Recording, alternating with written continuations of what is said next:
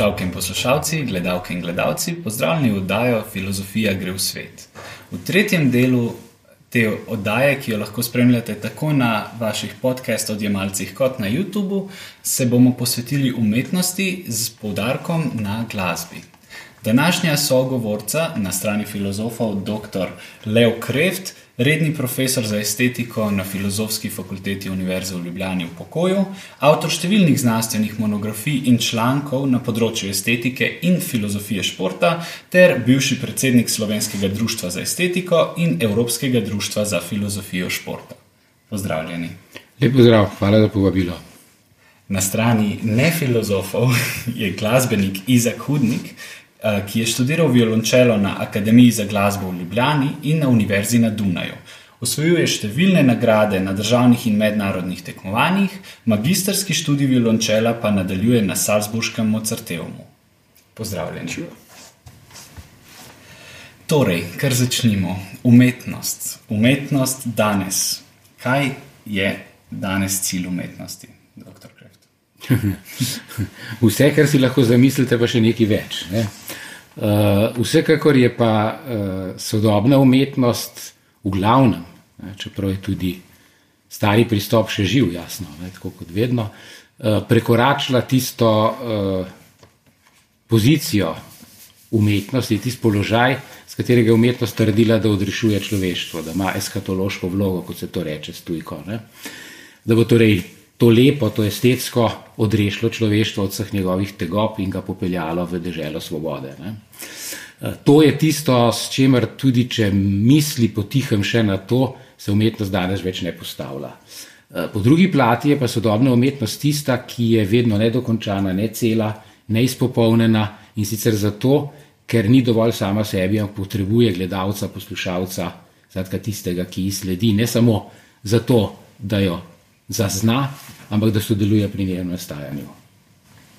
Gospod Hudnik, kako vi kot ustvarjalec umetnosti čutite to? Um, na nek način zelo podobno. Um, sam da mogoče jaz sem v zanimivi poziciji, ker sem pač klasični glasbenik um, in se ukvarjam nekako še zmeraj sodobnega gledišča, ampak lahko bi rekel, so restauracije starih, specifič, starih deli specifičnega zgodovinskega obdobja, zelo specifičnega in geografskega območja. Ampak kar jaz vidim, a, predvsem zdaj v umetnosti, je, da se zgublja neka, neka hm, pripravljenost do res intenzivnega dela, do res posvečanja posvečanja življenja ne samo ideji umetnosti, kot tam danes eh, to velikrat vidim, ampak dejansko uh, temu izpolnjevanju nekih bolj bazičnih, bazičnih lahko rekel, materialnih uh, predstopenj nekega umetniškega dela. Ne. Torej, v glasbi je to čist tehnična izvedba dela, um, ki mora zmer doseči zelo visok nivo, da potem sploh zares postane uh, tudi če je sodobna skladba, ampak da sploh lahko dobi nek, neko izrazno ali pa neko, nek smisel za sabo, mora imeti to materialno podlago. Kar pa velikrat se mi zdi, uh, da jo recimo ostale umetnosti nekoliko zgubljajo. Ne? Ja, zdi se, da sta v današnjem kapitalizmu umetnost in trg brezšivno povezana. Kaj to pomeni za umetnikovo svobodo? Če bi šlo samo za to, da umetnine moraš prodati na trgu, da preživiš, to ne bi bilo dosti drugače, kot je bilo včasih, vsaj pri nekaterih umetnostih, ki so se vedno prodajale. Uh, živele so tudi z nekaterimi sponzorji, ampak tudi to je delovalo po načelih trga, ne? jaz tebi, ti meni in tako naprej. Uh, se pravi, to, da je umetniško delo blago, ni tisti glavni problem. Glavni problem je, da je umetnost postala industrija.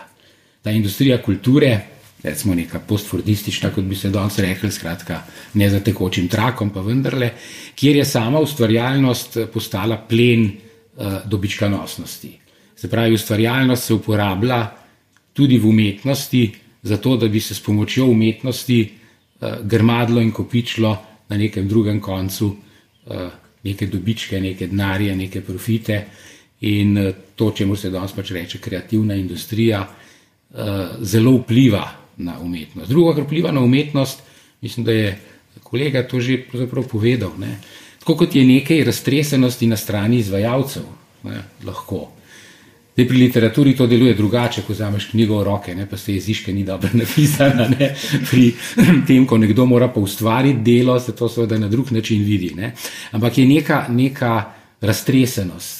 Uh, nekdaj je veljalo v modernosti, recimo, ne, v modernem delu, uh, da umetniško delo zahteva tako koncentracijo, ki je višja od vseh drugih koncentracij za kakršno koli drugo delo. Uh, danes je pa raztresenost temeljni odnos do sveta in umetnost postaja potem samo še ena razvedrilna dejavnost, pri kateri smo malo zraven, pa malo odlutamo, pa spet malo zraven, pa spet malo odlutamo. In seveda se podobno dogaja tudi samim izvajalcem. Mm -hmm. Ja, zdi se pa, da je ravno klasična glasba še nekako najbližji primer larpul artistične umetnosti, kar pomeni umetnosti za umetnost, samo zase. A, kakšno je vaše mnenje? Sploh bi rekel, jaz bi rekel, da je čist nasprotno. Da je nasprotno. Ker, um, ker recimo, pri nas je absolutna industrija nekih wunderkindov, ki pri 19 igrajo fenomenalno. Ampak In, in pač imaš ene par slavnih profesorjev, ki, ki znajo naučiti v zelo kratkem času, zelo visok, predvsem ta materialni, materialni nivo. Um, in v bistvu veliko tudi glasbenikov, moj profesor zdaj veliko o tem razmišlja, pa se z nami pogovarja. Tudi zdaj sem bil na enem masterclassu, ki se točno temu v bistvu opira. In torej, nekako se mi zdi, večjim glasbenikom se zdi, da obstaja nek mehanizem, ki spravi dobre glasbenike, ki, ki imajo materialne, pač tehnične sposobnosti, uh, na velike trge. In to so večinoma te slavni glasbeniki, uh, te slavni uh, solisti. Potem imaš pa, ko bi rekel, netržni pristop, kjer se ljudje ne ukvarjajo s tem, da bojo uspešni, še zmeraj si tega želijo. Ampak njihov prvi, prvi prvi njihov v bistvu odziv na, na to industrijo je to, da ni pomembno to, da je tehnično dobro izvedeno. In tukaj vidim tudi zanimiv eh, kontrast temu, kar sem prej rekel, da ta materialna, tehnična sposobnost mora zmeraj tam biti. Ampak po drugi strani je pa ta tehnična sposobnost edino, kar lahko z gotovostjo recimo, večina ljudi doseže, če dost vatni, če so kakorkoli tok nadarjeni.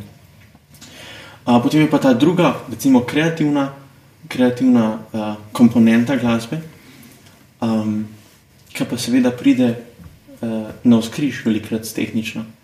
In tako imamo zdaj na enem, na, eni, na enem polu te slavne, tehnično zelo sposobne, recimo velik zvok, zelo dobra intonacija, nič te ne bo motil, ki ga boš poslušal, ampak na nek način tudi ne bo nič zagrabil, nič te ne bo not posrkal.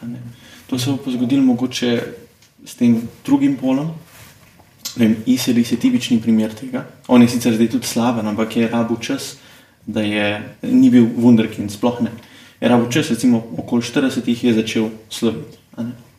In njegove, njegove izvedbe so pa pač, jaz bi celo rekel, najbolj, lahko bi celo rekel, malo preveč lepe na nek način. Um, pač taka sfera v tem zelo hitro začne prehajati neko popularistično. Ampak um, v bistvu se nekako ustvarja tudi ta dva pola v klasični glasbi in sicer s tem, da se potem mladi ne znamo odločiti, kje je zdaj prav. Uh, ker vse, če greš po ta drugi pol, kjer je kreativnost ta glavna, se pa tega na nek način ne da prodajati. Ne, je nekaj umetnikov, ki je uspel s tem, ampak večina umetnikov potem konča v nekih orkestrih, kjer tega ne more naprej razvijati. Hmm. Se pravi, če si prav predstavljam, na eni strani je tehnično iz, dovršena izvedba, na drugi pa je nekakšna interpretacija. Omenili ste tudi besedo lepo, kar me pripelje do naslednjega vprašanja, kaj je lepega na glasbi, zakaj nas tako nagovarja oziroma ali nas bolj nagovarja ta lepa interpretativna izvedba ali tista tehnična, vi ste rekli, da ne. Vsak čas ima verjetno svoje akcente, ne? ta spopad med recimo, čustvenim doživljanjem glasbe in uh, doživljanjem njene racionalne, matematične, umske razporeditve je potekal v 19. stoletju. Mislim, da danes uh, tako ali tako doživljamo oboje pri klasični glasbi ali če rečemo pri čisti glasbi. Uh, drugo glasbo imamo svet za druge naroge. Ne?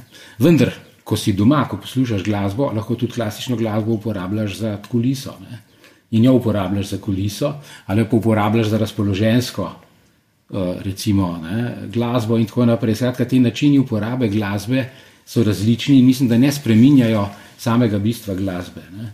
Eh, ti lahko marsikaj uporabljaš za marsikaj, ampak na koncu eh, to, kar je bilo rečeno za klasično glasbo, tako imenovano, se to še bolj velja za jazz. Ne.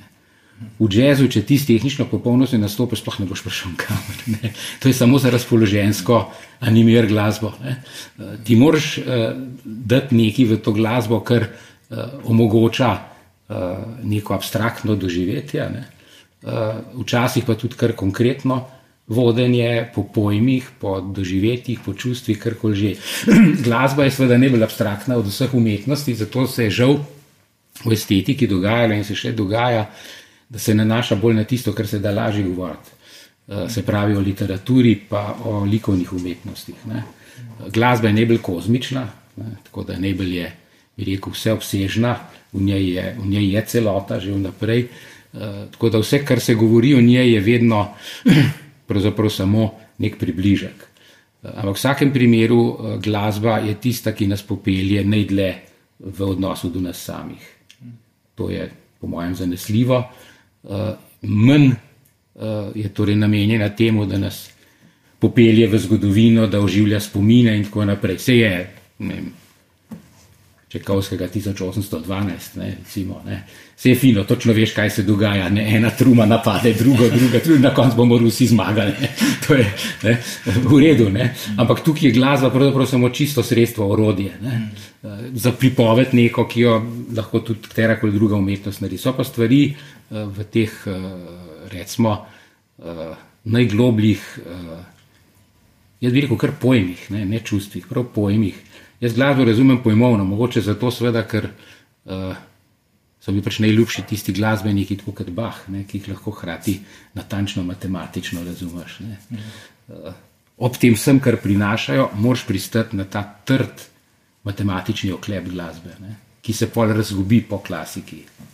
In meni je ta glasba, ki je tako hkrati trdno, pitagorejska, skoraj da v svojem sicer novem, novi zasnovi, ne, pravilno uh, uglašenega, uh, mi je zelo všeč, ne, tej trdnosti. Mi danes nismo več v trdnem svetu, tudi glasba ni več tako trdna, ne. ampak ta trdna glasba jo danes izvajati, mislim, da ti ponovno pričara nek varen, gotov svet, v katerem je seveda cela vrsta konfliktov, ne. ampak ti konflikti so na nek način optimistično razrešljivi. Tako, tako jaz doživljam to, recimo, to obdobje. Ne. Kako pa se izvajalec pripravi na izvajanje skladbe, kako se je treba uživeti v skladbo, da jo lahko prepričljivo izvedete? Zdaj, mislim, to je zelo odprto vprašanje. Vsak bi podal drug, drug recept. Ampak um, v bistvu nekako v Sloveniji, vsaj v slovenskem šolskem sistemu, glasbenem je najbolj pomembno, okay, seveda intonacija mora nekako stati, ni treba, da je super, ampak ta, ta pomembna stvar je to, da je lepo. Torej, ampak zdaj, kaj mislimo kot to, kot lepo? Tukaj se pri meni zaplete, ne? ker v bistvu jaz lahko za te nekaj lep, pač da je neka skladba lepa, jaz lahko to rečem samo za kratke odseke iz mojih najljubših del in za pop muziko pač rock, pop, kar koli, splošno popularna, pa velikrat tudi jazz. In kar se meni zdi, je, da, da ta uh, termin lepega v bistvu ne pove nič drugega kot to, da nekomu nekaj pač ugaja. Ne? Mi imamo vsi, vsak ima nek svoj, svojo zelo osko, uh, zelo ozek nabor, ne vem, uh, popularnih izvajalcev, ki jih pač posluša in mu je zvok všeč in mu je glas pevcev všeč. Ampak pol, en, recimo tudi klasični glasbeniki, imamo čist različne stvari iz popularne glasbe, ki jih pač poslušamo. Ne poslušamo zato, ker bi bili. Tudi jaz poslušam kakšne zelo zanimive stvari. Samo zato, ker pač nekaj mi je ful všeč, pač prijetno mi je. Medtem, če pa, če pa vzamem pač katero koli glasbo, klasično glasbo, se pa zgodi to, da če samo govorimo o tem, da je nekaj lepo, pride ven velikrat izmaličeno, kako bi temu rekel. Torej, na nek način ta občutek občutek lepote, ki ga dobiš v popularni glasbi, poceni neko izraznost, izraznost v klasičnem delu. Um, tako da, kar je meni pomembno pri, pri, pri, pri nekem izvajanju, interpretaciji nekega klasičnega dela, je v bistvu ne lepota, ampak razumljivost.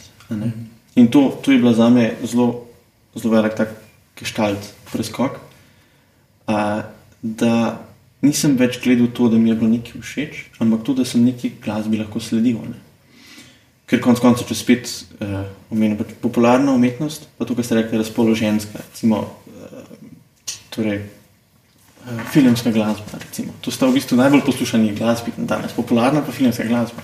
To sta obe glasbi, ki nista namenjeni za to, da bi se človek usedel in jih pozorno poslušal, ampak so, da bi zraven plesal, da bi zraven sledil filmu, kupu enih stvari. In potem, zdaj, moja izkušnja je bila taka, uh, ker sem imel eno obdobje, ki mi je filmska glasba v Fulušec, so razmišljal sem malo o študiju, po opisanju tega. Ampak pa sem v določenem trenutku pogrunil, da pač jaz sem se navadil na način poslušanja glasbe, ker glasbe ne smeš slišati, ker glasbe ne poslušaš zares. In to je pač filmska glasba. Ti, seveda, v določenih momentih jo moraš slišati, zato da ne, ne vem, light motiv predstavlja neko. neko uh, neko osebo, nek, nek pojem. Ampak ključnega pomena je pa to, da te pač glasba ne moti, da ti kljub glasbi, lahko, oziroma čeprav je glasba tam, lahko slediš filmu. Ker če imam velikrat, če imam, ne vem, ker sem gledal tega le lobsterja, je spodaj. Ja, Beethoven, pa še tako več, mislim, da ste spodaj, kot daljna kvarteta. In velikrat mi je bilo težko slediti, zato ker sem začel poslušati. Da, kar je za me pomembno, je to, da se, ali pa če recimo vzamemo serije. Velikrat je v seriji, so serije, predvsem te res popularne serije, tako narejene, da lahko zraven kuhaš večer, pa še delaš domačo nalogo, pa ne boš v bistvu nič zamudil, še zmeraj boš vedel, kaj se, kaj se dogaja, ti razne kriminalke. In kar je za me ključno, najprej recimo to nekakšna formalna, formalna interpretacija, je to, da pač ti človekovo poslušalčevo pozornost potegneš. Ne? In to lahko narediš na sto različnih načinov. Največkrat je to, da imaš velik in intenziven ton, da zaobjameš poslušalca s tonom. Lahko narediš s tem, da imaš res, res, da res dobro vodiš to, torej da ga razvijaš tako, da je, če bi nekdo pač govoril, kjer, kjer jasno slediš, v stavkih jasno slediš temu stopnjevanju, to glavne besede pa do, glavnih, do glavne fraze, s katero nekaj hočeš povedati, pa imaš pa vmes polnila. Um, in s tem v bistvu potem lahko oblikuješ fraze in oblikuješ, mislim, glasbene misli, torej melodije, oblikuješ tako, da se na koncu počutiš, da je pa meni nekdo nekaj povedal.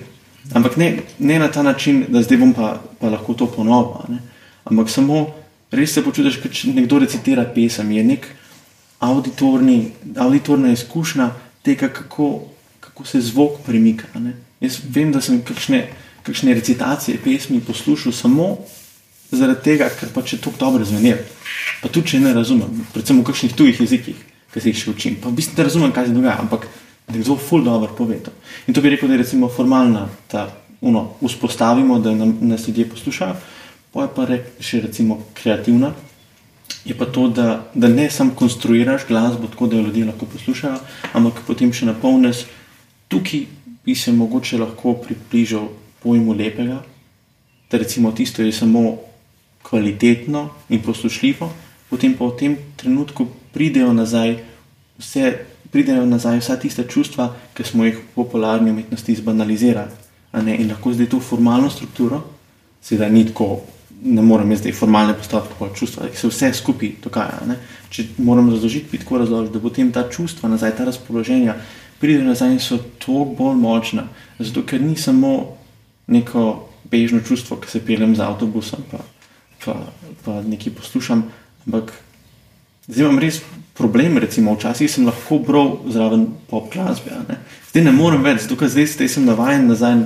Evo, jaz moram to poslušati. V bistvu tudi zdaj pop glasbo, če so res dobri komadi, bolj čutim. Res, mislim, za me je bilo to noro, ker sem v bistvu ta nekako različna uporaba, ampak za me je to tudi del neke navade. Ne? Da, da večina ljudi pač pristopi do glasbe kot neke razpoloženske umetnosti, ampak to ni res. Zato, ker ja, jaz dejansko zdaj lahko tudi večina klasičnih izvedb, večina posnetkov je zdaj brezveznih, predvsem, ker sem bil na masterclassu prvi servisu in en zelo slaven čelis, ki sem ga preomenil. On to napolne, naredi super to formalno strukturo, pa še napolne s takimi čustvi. In pač, ko sem njega poslušal, sem po celem telesu pač čutil čustva, ki jih je on tam proizvajal. In zdaj na večini posnetkov to ne imam, še zmeraj ene par izvajalcev, ampak 90% posnetkov pa sem iskal ni. In to pač kvalitetni klasični umetniki. Tako da meni se zdi, da je ta, ta uh, da ne bi smeli se res govoriti o lepem, zato ker lep, lepo je šele tam čist na koncu. Najprej mora biti razumljivo, da sploh ljudje prisluhnejo, kaj se zdaj dogaja.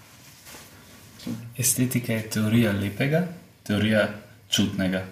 Um, ali ona razpravlja tudi o tem, da ni cilj zgolj lepo, ampak da to neko razumevanje, ogromno razpravlja, seveda. Ne. Vprašanje je, če kaj ve o tem. Eh, zdaj, prvič, kar se tiče lepega, ne, lepo je nek izraz, okoli katerega so danes spopadi. In začetek sodobne glasbe ne bi bil konc lepega, ne. to je 12-tonska glasba in tako naprej. Uh, tako da tukaj je pol že takoj zelo nevarno območje, pa smo paradorno in tako dalje. Ne. Jaz se v to ne bi spuščal. Jaz bi rekel, da soglašam s to interpretacijo, ki pravi predvsem, kako si pridobiš glasbo. Eh, no, več poslušanje gre po isti poti kot izvedba. Ne?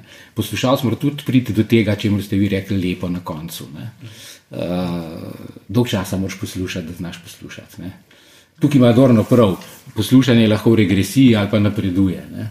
Ampak lahko napreduje in to je, to je zelo pomembno, lahko napreduje tam, kjer je mislil Adorno, da je samo propad, ne? torej v industriji kulture, v pop glasbi, roku, jazzu, posebej jazz izpostavljen in tako dalje. Je pa to drugače stara renesančna zadeva.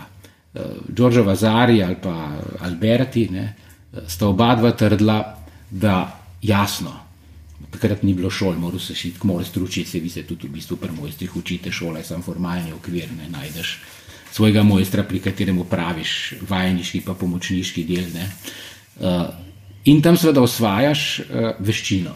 Veščina pomeni pri slikarju seveda obvladati perspektivo, ne? Pa imaš vse tiste naprave, ki te učijo, kako vleči, uh, ki jih je tudi recimo Da Vinci uporabljal, tehnične pripomočke. Pa seveda moraš obvladati uh, mišice, kako delujejo, zato da bi lahko vedel, kje se koža nabrekne in tako naprej pri uh, ljudeh in živalih, skratka anatomijo in tako naprej. Cel kup znanja moraš imeti za zgodovinske slikarije, moraš poznati mite, zgodbe, zgodovino in tako naprej. Vse to moraš znati, ogromno je te veščine in ko si to izpopolnil, ne, pravi Vazari, uh, ko si to vse naredil, uh, si dosegel neko popolnost, ki pa je hladna, ne, ki pa ničesar ne prenese. In pol mora biti zraven še gracija. Uh, Tako da temu, če se pogovarjam, bi jaz raje rekel gracija po renesančno. Gracija je po svojem izvoru beseda, ki izhaja iz božje milosti. Torej prav tistega, kar Bog nakloni ali pa ne, ne glede na zasluge. Ne moreš si je pridobiti tako, da se zelo trudil z veščino, pa bo na koncu padel. Ne? In uh, zato temu rečemo slovensko milina. Za milina zveni malkičasto. Ne? Sama gracija je pa točno tisto, ne? Eh, česar se ne da naučiti, ker ti pade ali pa ne pade. In ko samega sebe slišiš, da si dosegel ali pa nisi dosegel. Ne? Ko si enkrat noter padel, kot se reče po psihološko. Ne? In to je tista točka, kjer se producira gracija ali lepo, je vse glih. In to ne glede na tip glasbe ne? ali pa druge umetnosti. Mislim, tudi v sodobni umetnosti imate uh, kar pade ne, na vas. Seveda ne doživiš to, to prvič, ko greš na koncert. Ne. Moraš dosti poslušati. Ne. Zato je fino, da smo obkroženi z glasbo cel čas. Ne. Ker če malo pozornosti uh, posvečaš, uh, se naučiš poslušati, to je veščina. Ne. Moraš tudi kaj pogledati, kaj prebrati, sigurno. Ne. Ampak bistvo je to, da ko si se naučil poslušati, potem pride tisto, ko lahko začneš uživati v glasbi. Ne. Tukaj je zanimiva ena anekdotična oznaka. Stendalova, znan pisatelj, prva polovica 19. stoletja in tako naprej. Prvega, ki je pisal o Dunajski tra, klasični trojki, on je prvi napisal predstavitev eh, Hajdna, Mozarta in Beethovna, ki jih takrat še niso tako skrb dali v to celoto. In je rekel, razlika med francozi in italijani pri interpretaciji, pri pripravi interpretacije in pri poslušanju glasbe. Prav, francozi mislijo, da morajo čisto vsako noto natančno odigrati, kot piše v partituri. In morajo tudi poslušati čisto natančno od začetka do konca, ker drugače ne moreš razumeti, kaj dogaja.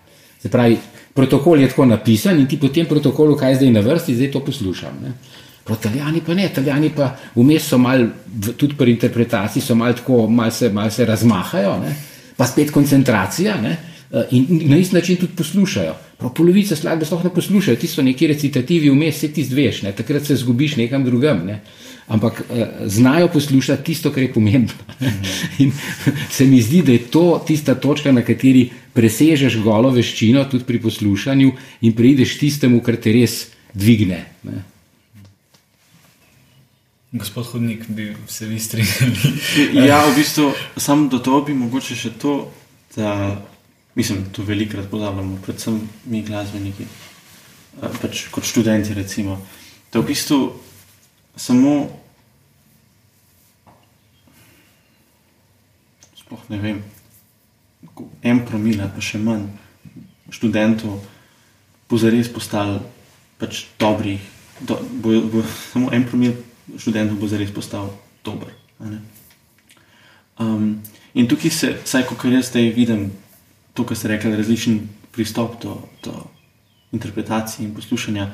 Jaz to vidim, recimo, razliko med ja, recimo, Francijo, Nemčijo in uh, Anglija, Italija. Če pač torej Francija in Nemčija ima en pristop, Anglija, Italija, mislim pa, pa Amerika, pa anglosaksonski svet ima drug pristop. In sicer nemški pristop bi celo rekel, da štarta iz tega, ko sem prijel, pa, pač tega formalnega vidika interpretacije, ne pač temu postaviti dobre fraze, da je vse skupaj stoji, da te koga piše not. Medtem, ko italijani pa gleži, se bojo pa najprej lotili, najprej bo vprašali, kaj pa jaz hočem s tem povedati, kaj pa je sploh smisel te skladbe, kaj pa je to. Ne? In tudi, ko poslušaš, zdaj, če poslušaš na najboljše, vsi igrajo genialno. Ampak to je recimo pet ljudi. Vsi ostali, pa takoj, ko se začneš spuščati dol po lestvici, kako so ljudje dobri, začneš videti bolj in bolj ta pristop. Zato, ker pač slabi, recimo, pridni študenti v Nemčiji, v Franciji, Mislim, lahko so tudi zelo dobri, ampak če niso res genijalni, pa če ne dolgočasni. Pač nič ti ne bo dal. V Angliji, pa, pa Italiji, bo izvenel tako malo schizofreno, povsod, sto občuti, nobene koherence. Ne? Ampak seveda, ko plezaš gor po listici, se približaš temu idealu. In to sta recimo dva, dva ampak potem na koncu se igra genijalno, ampak na koncu je več tri ljudi, verjetno. Tako da. Verjetno so sem, samo tri dobri poslušalci. Tudi. Ja, se je to. ja, um, ko smo že pri poslušalstvu in uh, izvajalstvu, bi se spet vrnil na to temo, uh, ker smo že govorili o uh, posnetih delih in pa uh, izvajanju v živo, da se na posnetek uh, res težko prenese ta čustva. Um, Predstavljam si, da je podobno tudi v gledališču, kjer če bi jaz gledal posnetek predstave iz gledališča, bi bil veliko manj zainteresiran za njo, kot če bi jo gledal v živo. Potem pa po drugi strani imamo moderno glasbo, ki bi se mi pa zdi, da je dejansko posnetek boljši kot uh, koncert, kjer pojejo na playback in je itek posnetek glasbe tudi na playback. Um, Se pravi, kakšne so vajna, vajni pogledi na to? izvajalec verjetno raj dela v živo. ne. Čeprav je najpomembnejše, ko gre nosilcev zvoka okrog po svetu, ne. tudi pri tem poklicu. Uh, jaz moram reči, da pri umetnosti in pri športu za me je najvažnejši živo. Uh, skratka, živ stik. Živ stik prenese tudi napake, ne? Napake, ki so zelo pomembne, ne? ker napake kažejo, da je stvar živa. Ne? Tako da uh, vi ne morete nekateri slad, po mojem, sploh izvajati drugače kot uživa. Kejža že ne, kejža ne morete ne? v neživo, ne? v sneto. Uh, ampak hočem reči, da, da uh, je ta živ stik tako kot pri gledališču, kjer sploh ne gre brez tega, ker gledališče je pogodba o tem skupni prisotnosti nastopajočih in uh, občinstva v istem prostoru, v istem času. Ne. Če tega ni, pa ni gledališča. Ne. Pri glasbi ni tako sicer, ampak mislim, da ta skupna prisotnost v skupnem prostoru ustvari neko, neko solidarnost uh, izvajalcev in poslušalcev, ki deluje na oboje. Uh, jaz mislim, da so nekatere najboljše izvedbe nastale tudi po zaslugi dobrega občinstva. Ne.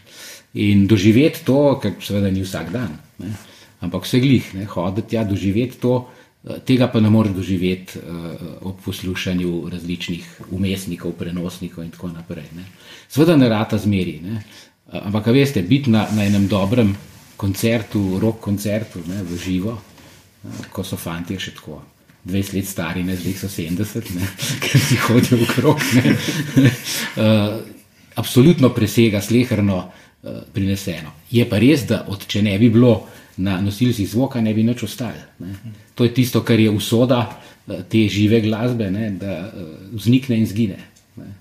To, kar je posneto, ostane, ni pa nikoli enako tistemu, kar doživiš, ko si fizično zraven. Ko je, ko je to skupnost, skupna udeleženost v skupnem času in prostoru, to je nekaj, kar je. Človeška vrednota, ne, nekega samozavedanja. In ko tu vznikne umetnost v polnem sijaju, uh, tega ne more odtehtati noben prenos. Čeprav smo mi kle še tako pametni. kako pa potem to uh, deluje pri slikarstvu, kiparstvu, kjer pa si sploh ne predstavljam, da. No, dalo bi se uh, gledati slikarje. Ne, pri slikarstvu to deluje tako, da obstaja za vsako umetnino slikarstvo njeno avtentično mesto. Ne. Vi danes lahko monolizo vidite in treba zato iti gledati v, v Louvre. Ne. Ampak eh, iti v Louvre pomeni z neko resnostjo se stvari lotiti. Skratka, pomeni tako, kot veste, sej verjamete ne, v, v Boga, ne, ampak iti na romanje je pa nekaj drugega. Ne. Skratka, poduzeti celo pot je pa nekaj drugega. To dela recimo pri pr, pr, eh, slikarstvu in kiparstvu in arhitekturi. Ne. Biti tam nima danes nobene posebne presežnosti v tem smislu, se kaj pa je tam za videti drugega, kot vidim že, če to pogledam tle na posnetku z vseh strani, ga imam trodimenzionalno, imam že imam virtualno realnost, dam očala gor ne, in se sprehodim, če hočete po sliki, ker tudi to se da narediti, se že, ne, to se že dela, ne, sprehajaš se po sliki lahko ali pa po krajini, ki je naslikana pred 500 leti, ampak ne, biti pa tam, kjer je to nastalo, kjer je umetnik deloval pred 500 leti, pa si to tam v tistem kontekstu pogledati, od katerega je nekaj ostalo, še vedno. Ne? Biti tam, kamor stvar spada, pa ima uh, čar, ki ga nobena druga uh, dostopnost, ki je danes pač ta obča dostopnost, vsega ne more pričarati.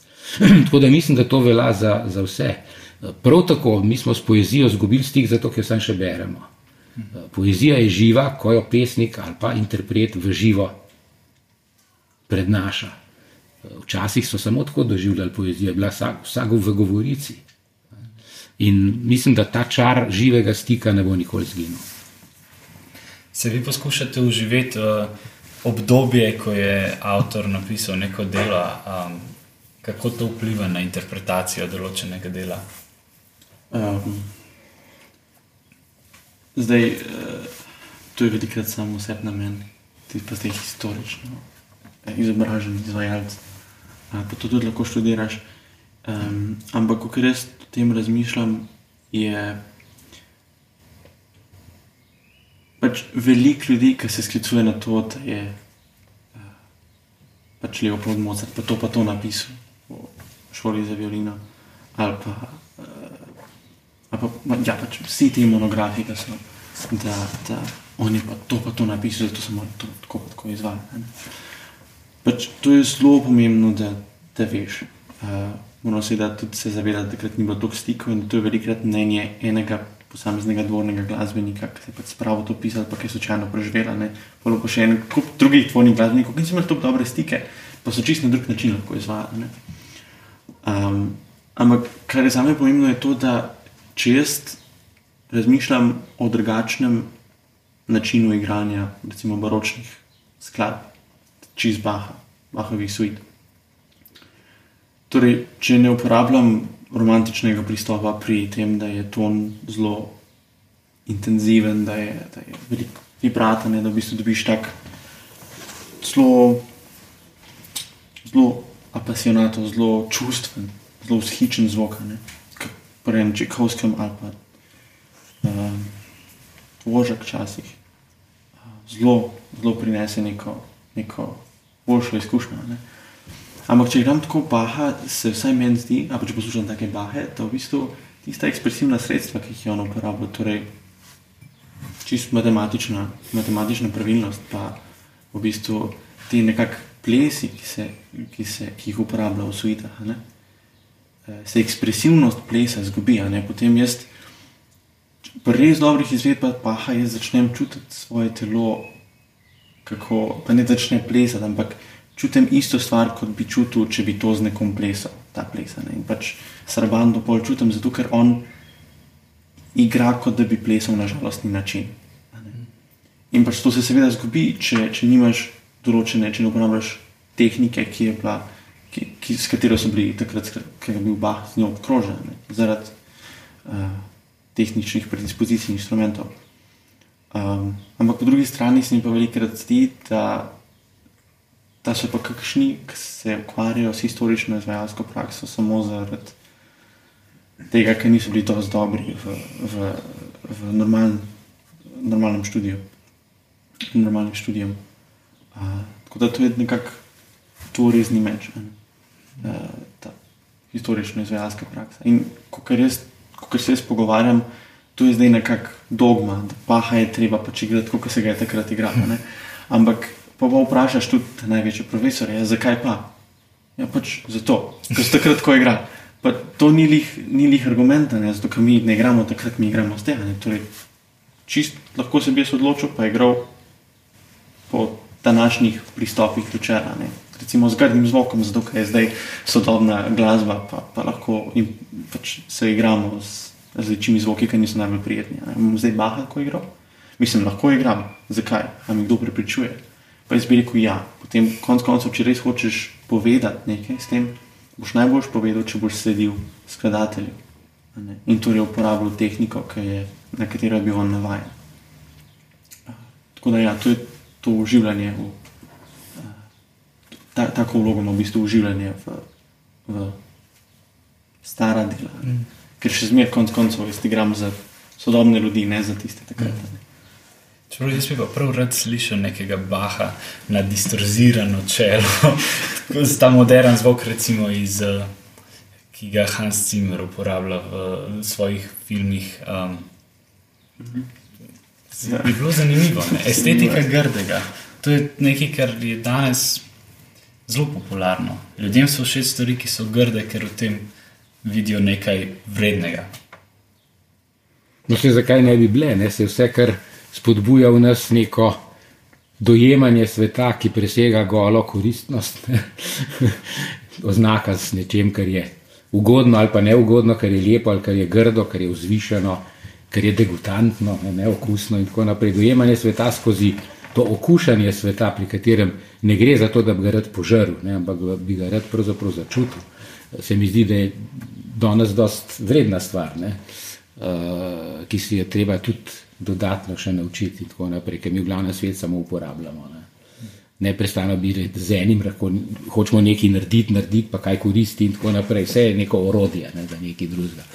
Uh, ja, seveda, lepo in grdo, uh, to je bilo v določenem obdobju esteticizma, recimo konca 19. stoletja, simbolizem, kako se temu reče, ne. modernizem. Uh, je, bilo, je bila samo lepota, daleč povzdignjena. Vendar, vendar je grdo zelo pomembno vse čas, tudi konec koncev v je zdaj zgorela ta Notre-Dameska crkva, koliko je na tej crkvi grdega. To je neverjetno, koliko grdih karakterjev je sam naslikanih naokrog, pa koliko kipov in tako naprej. Ne. Se pravi, eh, umetnost je namenjena tudi grdemu. In ugodje v grdemu ni paradoksalno, tako kot ugodje ali pa uh, katarza v tragediji ni več paradoksalnega, čeprav se ljudem grozne stvari dogajajo v tragediji. Uh, to pomeni seveda razširiti svojo zmožnost doživljanja, uh, Eh, pa tudi svojo čisto umsko zmožnost pojmovanja. In uh, je, eh, da se to govori recimo o neuroznanostih, pa zrcalnih nevronih. Mislim, umetnost sama je ne dokaz, da obstajajo zrcalni nevroni, ampak je sama po sebi dela več funkcij kot zrcalni nevroni, bojo karkoli dela. Ne? To, da uh, lahko iz pozicije drugega, od nekod drugod gledaš na sebe, da se lahko uh, z razumevanjem lotiš drugega. Ne mislim razumevanje v smislu racionalnosti, mislim razumevanje, eh, kot se uporablja v vsakdanjem govoru, ne? da nekoga v vsej njegovi napaki razumeš, ne? da je tak. Ne? To je razumevanje. In mislim, da je tega v umetnosti toliko, da se da tudi za grdo in za zlo in za vse druge stvari dovolj prostora. Jasno, Sodobna estetika se z vsem tem ukvarja, eh, vendar se še vedno spotika ob te svoje stare poglede na lepoto kot edini cilj umetnosti in estetike pri proučevanju. Ja, jaz moram priznati, da nekaterih modernih uh, avtorjev klasične glasbe preprosto ne morem poslušati, ker je to atonalno, uh, ne, neposlušljivo. In kot ste rekli, treba, treba se tudi temu priučiti. ja, recimo pouk glasbe v osnovnih in srednjih šolah se mi zdi popolnoma zgubljen. Mislim, uh, pač mi imamo štiri štir leta, se učimo uh, zgodovino, zgodovino pač literarno zgodovino.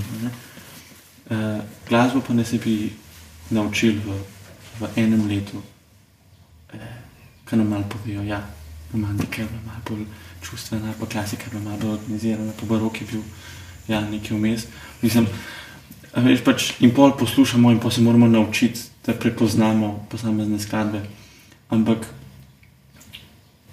pa tudi v bistvu pri pr, eh, poučevanju literarne zgodovine sem imel mal ta, se mi je zdel mal napačen pristop, ker so nas učili, da je bilo to, da ko boš ti bral knjigo, se boš učil na to, se boš učil, kako boš potencialno napisal spis o tem. Mm. Ne, pač, ali pa, ko poslušaš glasbo, boš kako bom pa jaz napisal recenzijo, da bom res zihar pet to bo. Mhm. Pač, ni pa nekega, nekega in, in to je tudi v tem, kar, v bistvu, tržnem glasbenem, tržni glasbeni industriji, ne? da se ljudje ne ukvarjajo s tem, kako bom jaz se zdaj s, tem, s to skladbo dotaknil poslušalcev, kako jih bom v bistvu, um, kako temu rekel. Jaz, jaz glasbo imam zelo kot nek, nek čustveno vzgojo, neko čustveno vzgojo. Ne? Kako jim bom pokazal nov način dojemanja te, eh, mislim, ne nov način, ampak zelo specifično čustvo skozi to melodijo. Ne? Jaz sem to, da znaš ti, ja, in to načno dobro, tehnično je to dobro, pa da znaš postaviti fraze tako, da, da ljudje lahko sledijo in poje to. to in tukaj se mi zdi pač problem z vzgojo, ker če bi bili vzgajani v tem, da bi lahko da bi lahko poslušali barok in prepoznali v bistvu, jaz bi rekel, temu ekspresivna sredstva. Da veš, na kaj moraš biti pozoren, na kakšne spremembe moraš biti pozoren. Imate klasika, na kakšne spremembe, romantika, pozna romantika in potem zelo, tako, zelo enostavno začneš razumeti, pač razumeti v tem smislu, znaš usmerjati svojo pozornost, svoje poslušanje na določene stvari, določene, določene dogajanja, ki se dogajajo tekom skladbe, da ti postane dobra skladba. Um, ker velikrat potem, predvsem sodobno glasbo, ki se pogovarjam s študenti, jim je zanimivo to, da se lahko zafrkavaš iz nje. Vse, ampak to ni poanta. Velikrat, uh, zdaj sem igral uh, tudi jevo skladbo uh, na ime Sahar za solo čelo. In pač, če že recimo Lotoslavskega pa Poliza lahko vzamemo kot neka, lahko igramo kot neka cirkusanta, ne? ki sem hočete. Tak, tak učinek, pa da so ljudje, uf, kakšne razlike. Je pa tudi je pač temu, temu bi rekel, je iskrena. Ne? Pač tok nekega, nekih ne čustev, ampak nekega pomena eno v tej skladbi, ki seveda ga ne moreš prepoznati, če, če si v bistvu šest ur na dan poslušal pop glasbo, pa so ti pa rekli, ja, no, od, od Šemberga naprej pa glasba ni več poslušljiva. Zato se sploh ne bomo s tem ukvarjali. Prej pa pač, ja, če vam je všeč ena skladba, pač preposlušajte stokrat, ne pa ne se ukvarjate to, kaj vam je všeč. Mislim, a veš, ne moreš bolj počakati, ja, ne moreš ti počakati, da zdaj bom pa jaz razumel vse te, zdaj pa lahko poslušaj. Mislim, sej, tudi v srednji šoli, na konzervatoriju za glasbo, pa ne posluša sodobne glasbe. Pač, zakaj bi poslušal? Tudi, a veš, tudi glasbeniki nismo izobraženi, ker spet je to ta lestvica, da če si spodaj, ne moreš ne moreš sploh, lesica v bistvu poslušalcev, ne moreš sploh se približati temu, ne moreš mm. lepo postopoma razviti razvit svoj. In to na splošno se mi zdi problem v, v, v vzgoji, vzgoji ja, publike, za kakršno koli umetnost. Ne. Če se seveda, če ful bereš knjige, pa če se ful ukvarjaš s slikarstvom, ful poslušaš glasbe, to nekako že razvijaš, ampak večina ljudi zdaj nima časa za to. Ti moraš dati eno skladbo, in pa jih naučiti, lejte, če poslušate romantiko, poslušajte to, pa to, pa to. Če poslušate klasike, pač probite to, pa to, pa to prepoznati in potem gledajte, kako se bo skladatelj s tem igral. Ker imaš smer, eh, v bistvu kompozicijske sredstva, s katerimi se, se skladatelji igrajo. Ja, vzgoja je definitivno zelo pomembna. Uh, kaj vi menite o, današnji vzgoji? Jaz sem dveh črki in sem zelo zadovoljen. Uh, zdaj, mislim, da je ta historizem v pristopu k umetnosti, poučevanju umetnosti, da je ubijavski. Uh, začeti bo treba od tega, zato da bomo razumeli tudi predhodne. Predhodna obdobja sodobno umetnostjo, sodobno glasbo in to zato, ker je to edina tista glasba, ki jo samo mi poslušamo, noben prej ni mogel slišati. In uh, kar pomeni, da skoraj malo bi lahko sumili, da govorijo o nas, tudi če nam ni všeč. Ne? In uh, v tem smislu začeti sodobno glasbo poslušati, se mi zdi, da je pol tudi vstop v razumevanje prejšnjih obdobij. Uh, ker pa jih tudi ne razumeš, recimo, tako, da eno obdobje razumel, te so pa umirali v lepoti, ne? pa take stvari. Uh, vsi so imeli problem s svojo sočasno glasbo. Ne? In uh, uh, zato se mi zdi, da je najpomembnejše v smer v razumevanje sodobne glasbe. Uh, in uh, ko jo začneš poslušati, ne, uh, vse tako kot vse drugo, ne, mislim, ogromen je pač nekega drubiža ne, in šodra, ne, so pa stvari, ki so glede na to, kar izraža in česar ni mogla izražati nobena druga glasba prej, so točno odgovor na to, na to stanje v katerem smo. Se pravi, eh, ne moramo samo reči, da bo treba reševati vem, ekološki problem človeštva, eh, zato se treba to pa to. Mislim, da tudi v sodobni glasbi je en napotek za to, kako rešiti sodobni problem človeštva. Ne? Eh, in jo je zato vredno, vredno spoznati in poslušati. In jaz bi vedno začel vsak predmet, ki se tiče umetnosti, s sodobno umetnostjo. Ravno zato ker je ta edina naša in če bomo njo razumeli, bomo našli pot do vse ostale. Zdaj bomo pa vse ostalo razumeli historistično. Ta je barok je bil kle zato, da je iz njega nastala. Ta, kle so bili klasici. Kako je že med klasiko pa barokom odnos, klasicizem pa baroka, nista v istem času, kaj je bilo pol, aha, potem so pa na koncu romantiki, po romantiki pa že ne vemo točno, kaj je, pa pride pa ena šodra, ne, pa se vse meša, pa pa že škoda govoriti, ker se ne da povedati na ta historični način. To je historični način, da zapele v, v, v neko, neko močvirje ki ne razlaga ničesar in se za nazaj pol zavemo tiste misli, da nam pravzaprav s historičnim pristopom niso ničesar razložili umetnosti. Ne. Se ne da. Ne. To, zato se mi zdi, da je sodobnost je pravi vstop v umetnost. Likovna umetnost je to uspela doseči. Danes ni bolj obiskanih razstav, kot so ravno razstave sodobne umetnosti. Še 50 let nazaj so vsi leteli skrb, ko je bila stara, lepa, umetnost razstavljena, tako kot smo bili navajeni gledati. Zdaj ljudje letajo na razstave sodobne umetnosti, na bienale, trienale, so sto tisoči obiska, milijoni obiska in tako naprej. Posod rastejo muzeji sodobne umetnosti ne, in tako dalje. Eh, se pravi, je velika pozornost na njega. Sveda se vsi pritožujejo nad njo, da je grda, da je grozna, da je nepotrebna da, ne, in tako naprej, ne, da je mnogo lepšega od nje. Ne da so lepši koledari, ki jih dobiš za nov let, kot pa to, kar likovna umetnost slika, ne? in tako naprej. Ne? Ampak uh, uh, prepoduje pa točno v nas. Ne? In to bilo treba doseči tudi pri glasbi, po mojem. Smem bi zobražiti, kako se bi tega lotili?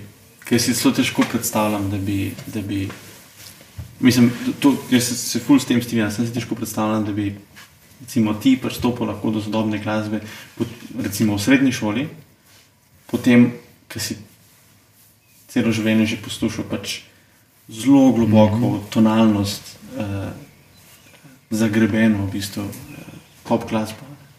Nekako si težko, kako bi te to.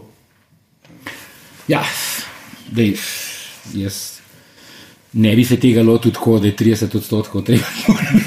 in tako naprej, pa v zakon, da se ne, sigurno ne. ne. Uh, bi se pa lotil tega, uh, da se jo prepele s tisto mislijo Walterja Benjamina, ki je zelo zanimiva, ne? da donsko umetnost govtajo množice. Pravi, uh, imajo množice do filma progresiven odnos, razumejo najbolj sodoben film.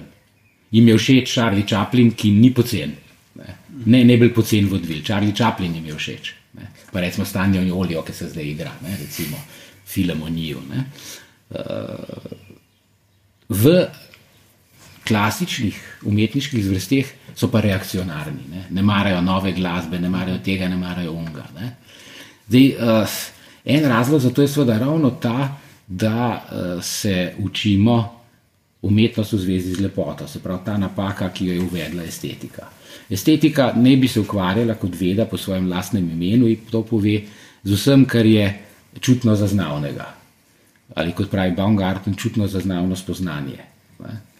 To je spoznanje individualnih, posamičnih stvari z vseh vidikov.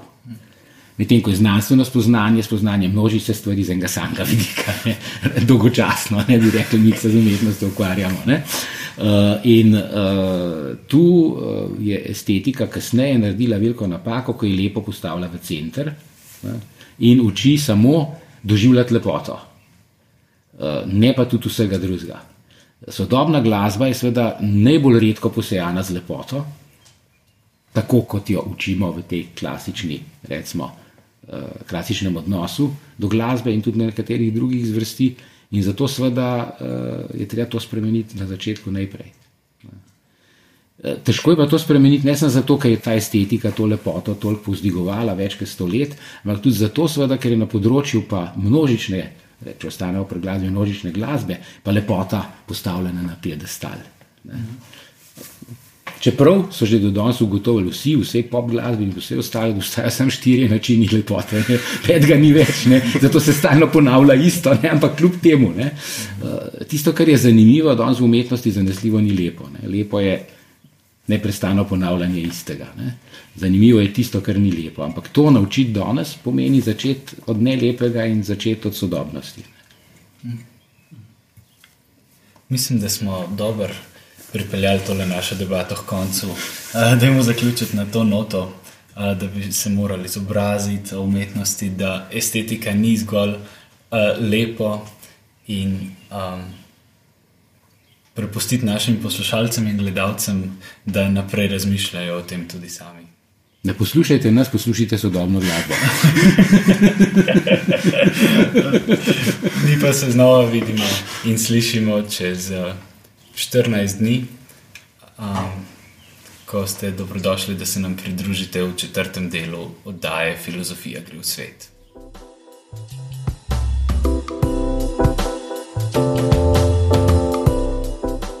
Projekt sofinancirata Republika Slovenija in Evropska unija iz Evropskega socialnega sklada.